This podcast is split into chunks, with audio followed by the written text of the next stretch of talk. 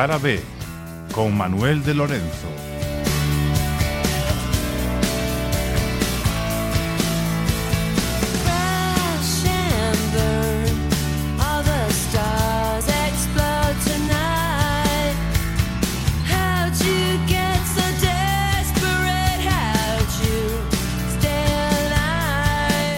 Ben, antes de nada, antes de comezar, facédeme o favor de pensar en cinco grandes ídolos do rock. Parádevos a facer memoria eh, e enumerade mentalmente cinco grandes estrelas do rock, os primeiros grandes nomes do rock que vos veñan á cabeza.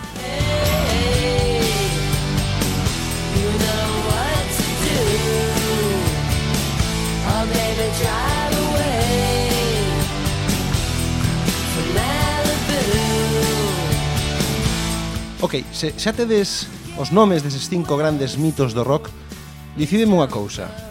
Algún deles é unha muller? Alguén pensou nalgúnha das grandes mulleres do rock? Ou a cabeza foise directamente a Morrison, Hendrix, Lennon, Cobain, Jagger, Hetfield e demais? Está a soar Kurnilov de fondo, coa súa banda Hole, e aínda así estou seguro de que a maioría pensou únicamente en homes. Pero ei, é normal. Desafortunadamente, non hai tantas mulleres no Olimpo do rock como sería desexable.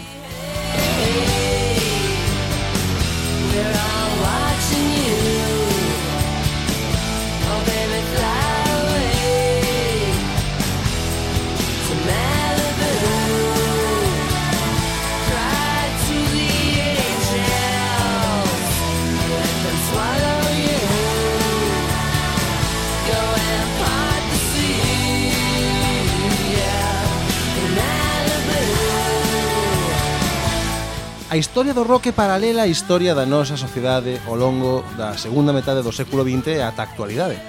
Por lo tanto, é normal que, botando a vista atrás, naquel mundo de dominancia fundamentalmente masculina, non houvese mulleres que destacaban no rock, porque, en xeral, en todos os ámbitos se trataba dun mundo de homes. Non é que vos ou nós sexamos inxustos ao enumerar cinco grandes mitos do rock e pensemos en moi poucas mulleres ou en ninguna, é que na historia da música hai unha carencia evidente de estrelas femininas do rock.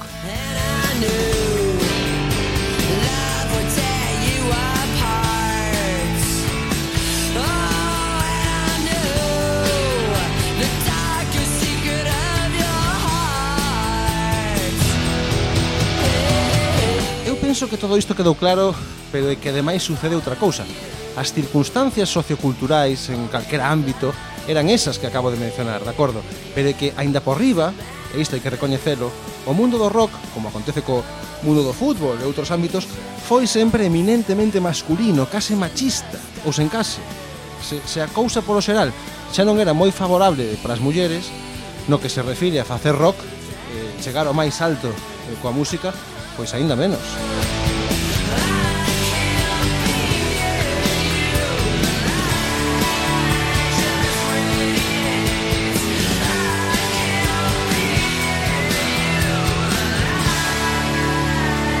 E a este asunto imos adicar o tema de hoxe A reivindicar a figura e o papel das mulleres no rock. É certo que neste espazo que consiste, como sabedes, en escoitar boas cancións, eh, en contar pequenas, grandes historias que non moita xente coñece relacionadas sempre coa música, xa falamos moitas veces das grandes voces femininas da historia da música, pero tamén é certo que repasando eses programas podemos comprobar que o estilo musical onde máis igualdade se dá entre homes e mulleres é o pop, Mm? Se pensamos en Taylor Swift, Beyoncé, eh, Madonna, Katy Perry, Britney Spears ou, ou mesmo as Spice Girls, todas elas forman parte dunha órbita distinta do rock tal e como entendemos o rock and roll a nivel sociocultural, non moito máis rudo, moito máis enérxico e salvaxe que o pop. Eh, sen moito esforzo, todos podemos decatarnos de que no mundo do rock a preeminencia é, sobre todo, masculina. Oh, make me over.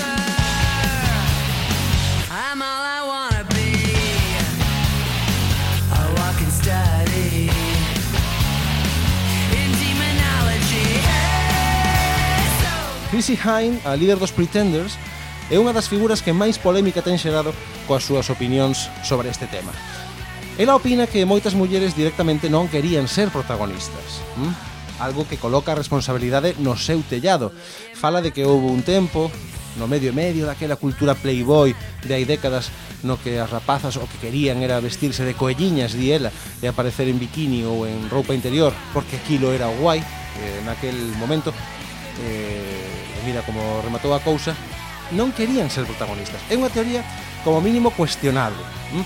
Pero por outra banda, ela tamén comenta sempre o difícil que é ser muller nun mundo como o do rock.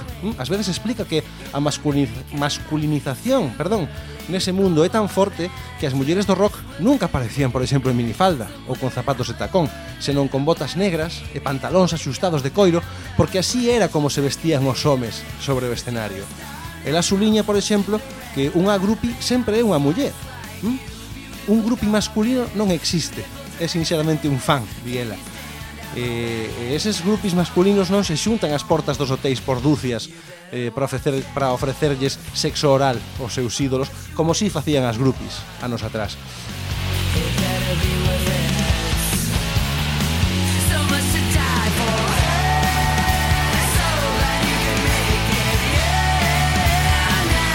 En fin, todos estes exemplos serven para entender e remarcar o carácter eminentemente masculino do rock onde a maioría de lendas históricas son homes e tan só unhas poucas son mulleres.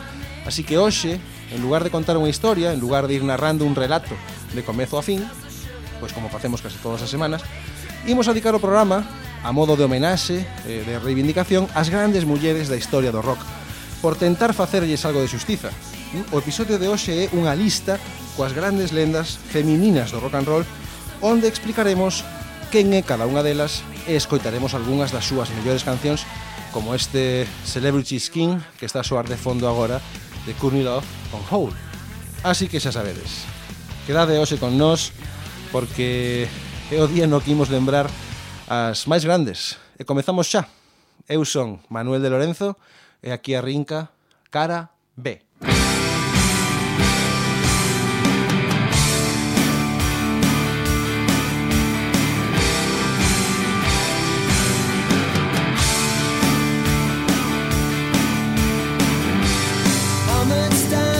E xa que aproveitamos parte da introducción do programa para falar dela e expoñer algunhas das súas teses, imos empezar o noso repaso por Chrissy Hine, a compositora, guitarrista e cantante dos Pretenders que basicamente son son ela soa, en persoa con outros músicos, non? Eh, un par de pinceladas. Chrissy Hind estaba obsesionada con Inglaterra, de onde proviñan as súas eh, bandas favoritas, non? os seus grupos míticos, eh, estaba tan obsesionada que no ano 1973 marchou de Estados Unidos a vivir a Londres e atopou traballo nunha tenda descoñecida chamada Sex, que era propiedade de Malcolm McLaren. É dicir, era o sitio de onde saíran os Sex Pistols. Eh, de feito, por pouco casa con Sid Vicious antes da, da relación deste con Nancy Spungen, eh, o seu obxectivo eh, vital era formar unha banda de rock e tentou, no, con moitísimos músicos, malia que nunca funcionou, ata que por fin no ano 1978 fundou os Pretenders e a pesar dos moitos problemas e as moitas desgrazas polas que pasou o grupo por mor do abuso das drogas, chegaron ao máis alto eh, coa súa mestura entre punk e new wave. A día de hoxe, Chrissy Hynde está considerada como unha das grandes damas do rock and roll. Got in pocket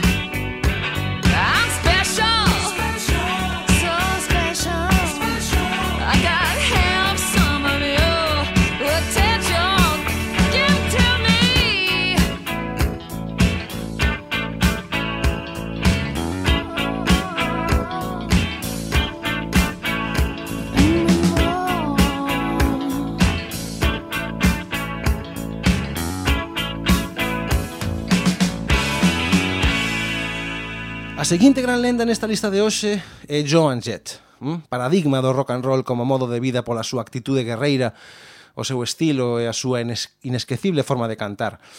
Ela alcanzara a fama co seu primeiro grupo, The Runaways, nos anos 70, e cantou con algunhas das bandas máis importantes da historia, como Van Halen ou os Ramones, uh, e logo xa en solitario, coa súa banda de apoio, The Black Hearts, converteuse nunha das referencias femininas da escena contemporánea, especialmente grazas a éxitos como este I Love Rock and Roll eh, que imos escoitar, escrito no ano 1975 por The Arrows e popularizado no 82 por Joan Jett, que logrou que a canción se mantivera sete semanas no máis alto das listas de vendas en Estados Unidos. Música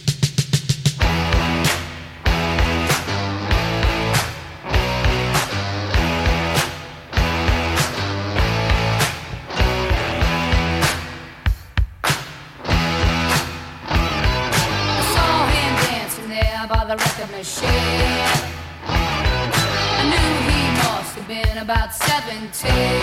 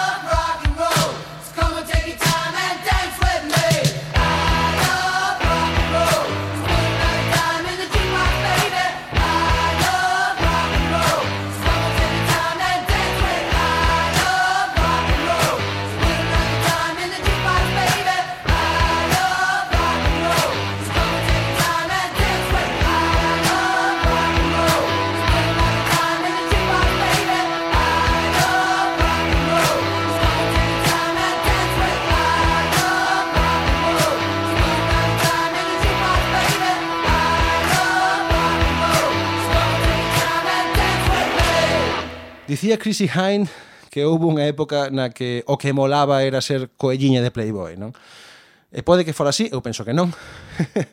eh, eu penso que ese é un razoamento demas, demasiado sinxelo, demasiado barato, pero, en fin, polo menos algunhas daquelas rapazas tomaron a decisión un día de romper aquel esquema e sacar a cabeza por riba de calquera outra persoa fora home ou muller.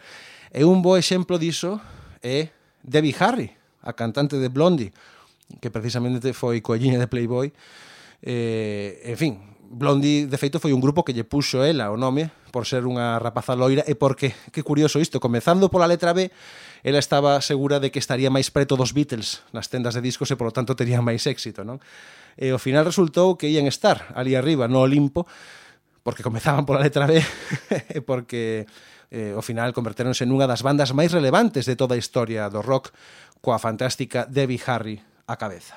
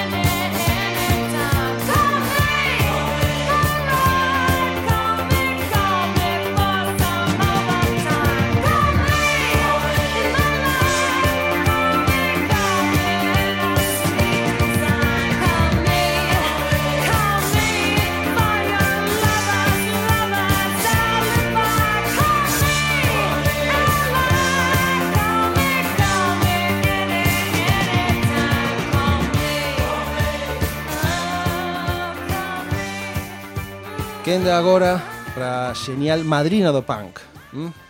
A muller que máis contribuiu seguramente a imprimir un punto de vista feminista sobre o mundo do rock and roll Unha das artistas máis premiadas da historia da música hm? Comendadora da Orde das Artes e as Letras en Francia. Medalla de Ouro de Belas Artes en España. Membro do Salón da Fama do Rock. Gañadora do National Book Award hm? Gañadora dun Globo de Ouro. Unha muller de música, de cine, de literatura, unha intelectual. hm? Patti Smith actuou na rúa, escribiu poesía, compuxo cancións, escribiu en revistas musicais, fixo performances, foi pintora, foi actriz, foi fotógrafa, foi activista, foi novelista, foi todo iso e aínda o é. Hm, estamos a falar da gran poeta maldita do punk. Take me now, baby, here as I am. Pull me close, try and understand. Desire is hunger, is the fire I breathe. Love is a banquet on which we feed.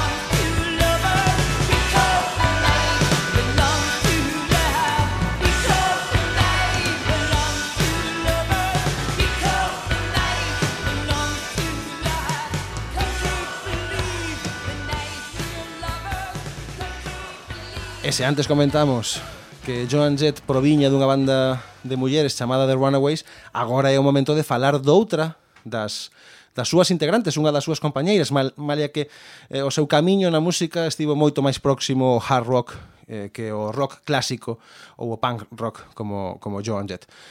De feito, é coñecida como a primeira muller do hard rock, eh, estamos a falar de Lita Ford, que é unha británica que, en fin, marchou a Estados Unidos sendo unha rapaciña e conquistou as, emisoria, as emisoras perdón, eh, de medio mundo coa súa potente voz e o seu peculiar xeito de tocar a guitarra eléctrica.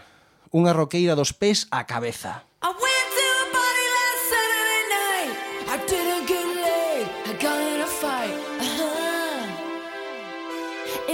no big thing. Traffic was bad. Had to borrow ten bucks from my old man. Uh huh. It ain't no big thing.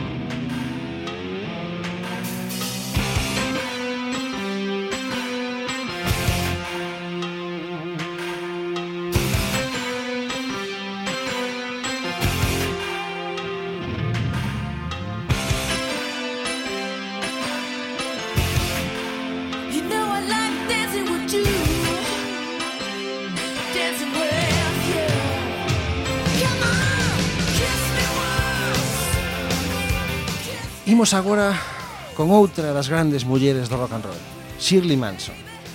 Conta a lenda que Butch Big, o produtor de bandas como Nirvana, Smashing Pumpkins ou Sonic Youth, viu unha, unha noite na televisión en Estados Unidos actuando co seu grupo de Escocia e pensou que aquel grupo non valía para nada, que non chegaría a nada, pero ela sí.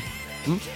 E foi entón cando decidiu que Shirley sería a voz do proxecto que estaba a formar, que se chamaba Garbage Os poucos días conseguiu o seu número de teléfono e chamouna para que abandonase a súa vida en Escocia e se unise dende o Reino Unido a aquel novo grupo que estaba a piques de nacer ao outro lado do Atlántico.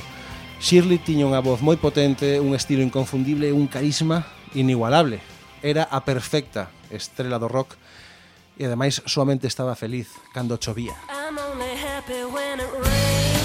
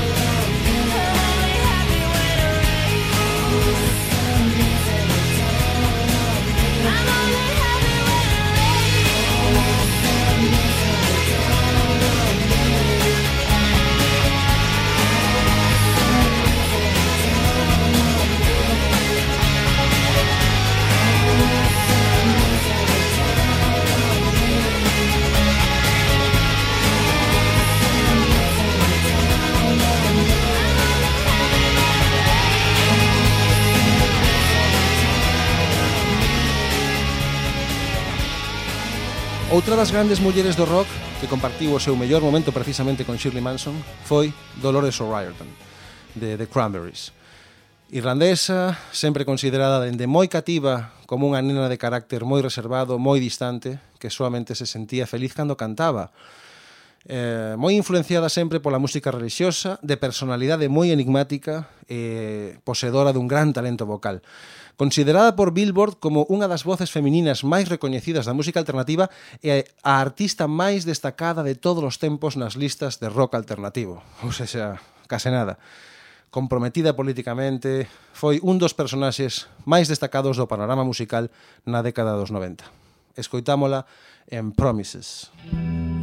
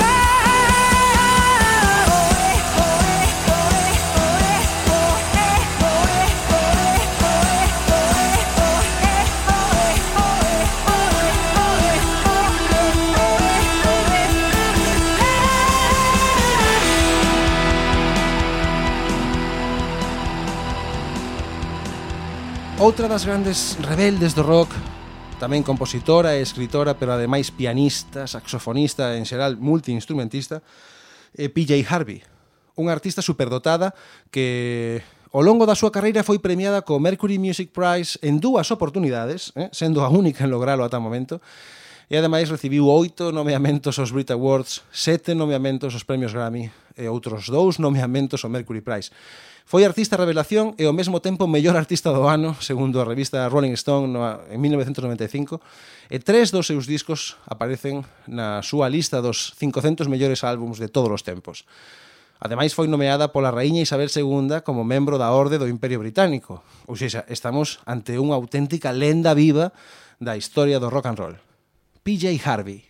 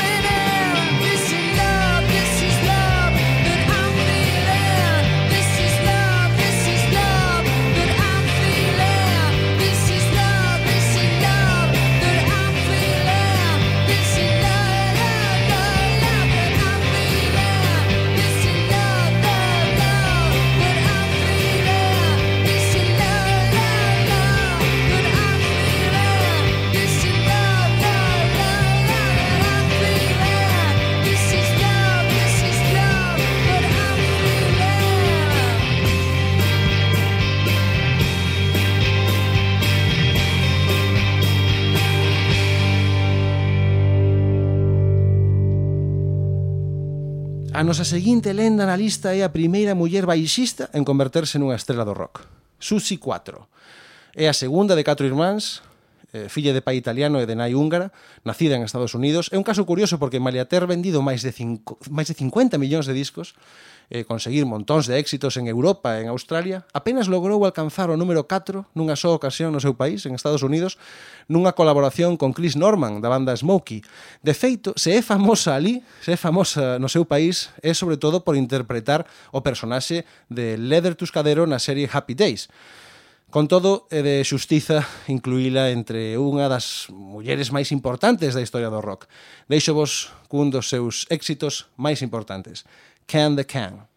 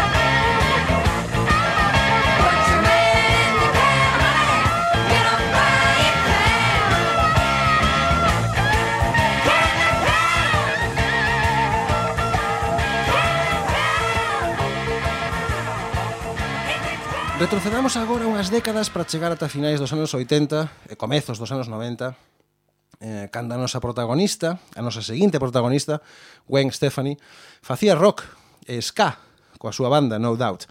É certo que despois, eh, durante a súa carreira en solitario, escorouse máis cara ao pop e ao hip hop, eh, pero naqueles comezos a banda tiña unha clara influencia punk e ska, e mesmo reggae, e se cadra foi o feito de afastarse desa senda cara ao pop e ao new wave o que o fixo que o que fixo que No Doubt eh, non continuara o seu camiño, o seu camiño malia que regresaron uns anos eh, máis tarde para para en fin, para vender discos, encher escenarios e facer caixa, non que para o que serven no fondo as reunións de grandes bandas.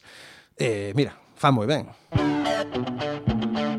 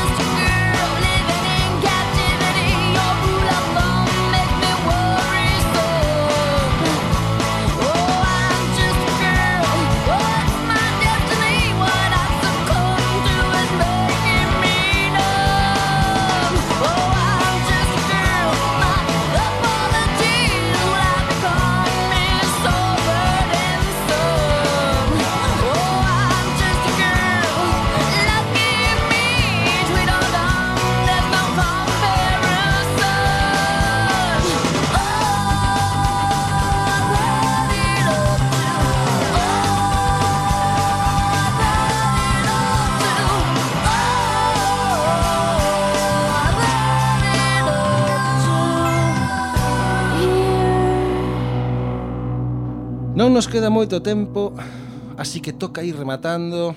É unha magoa hoxe, habería que botar unha ollada aos inicios, os inicios das mulleres no rock and roll, escoitar algo de Cher, por exemplo, nos anos 60, algo de Johnny Mitchell, habería que escoitar a Doro Pech, mm, a raíña do heavy metal, habería que escoitar a toda unha referente do punk, como Siouxsie and the Banshees, habería que escoitar, non sei, a, a Stevie Nicks, habería que escoitar a Xenial, voz rota de Kim Carnes, habería que escoitar a Amy, a Amy Winehouse, a Miley Cyrus na súa época máis recente, eh, algo de folk, a Joan Baez, o mellor, pero como non temos tempo para todas elas, vale, que eu, en fin, estou decidido a facer unha segunda parte deste episodio, pero penso que a mellor opción é pechar o programa de hoxe cun mito, cunha icona do rock and roll como a inimitable Janis Joplin ou coa incomparable Bonnie Tyler tamén, ou coas dúas. Mm?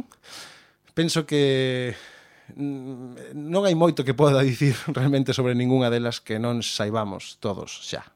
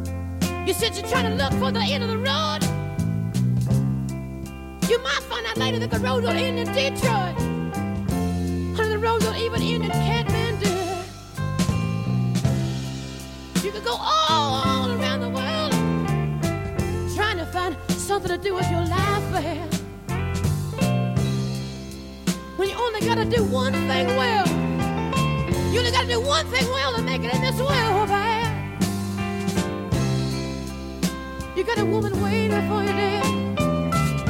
All you ever gotta do is be a good man one time to one woman, and that'll be the end of the road, babe.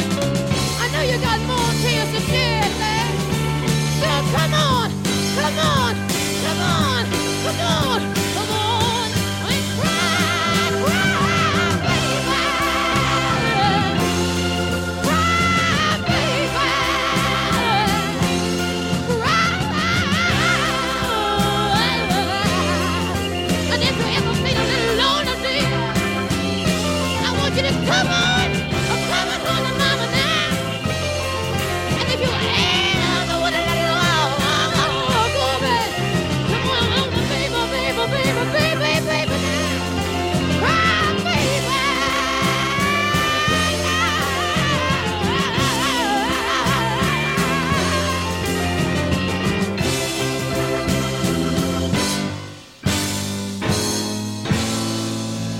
E así de lenda do rock en lenda do rock de muller en muller chegamos ata o final do programa de hoxe. Un programa no que vos trouxemos outro deses puntos de vista que nos ofrecen unha cara descoñecida da música e dos seus protagonistas. A cara ve dos feitos cos que se construen os mitos da historia do pop e do rock. Espero que a desfrutasedes tanto como a nós e que a vindeira semana regresedes connosco a este outro lado oculto da música. Agardamos por todos vos na nosa e polo tanto na vosa cara B. Coidadevos moito,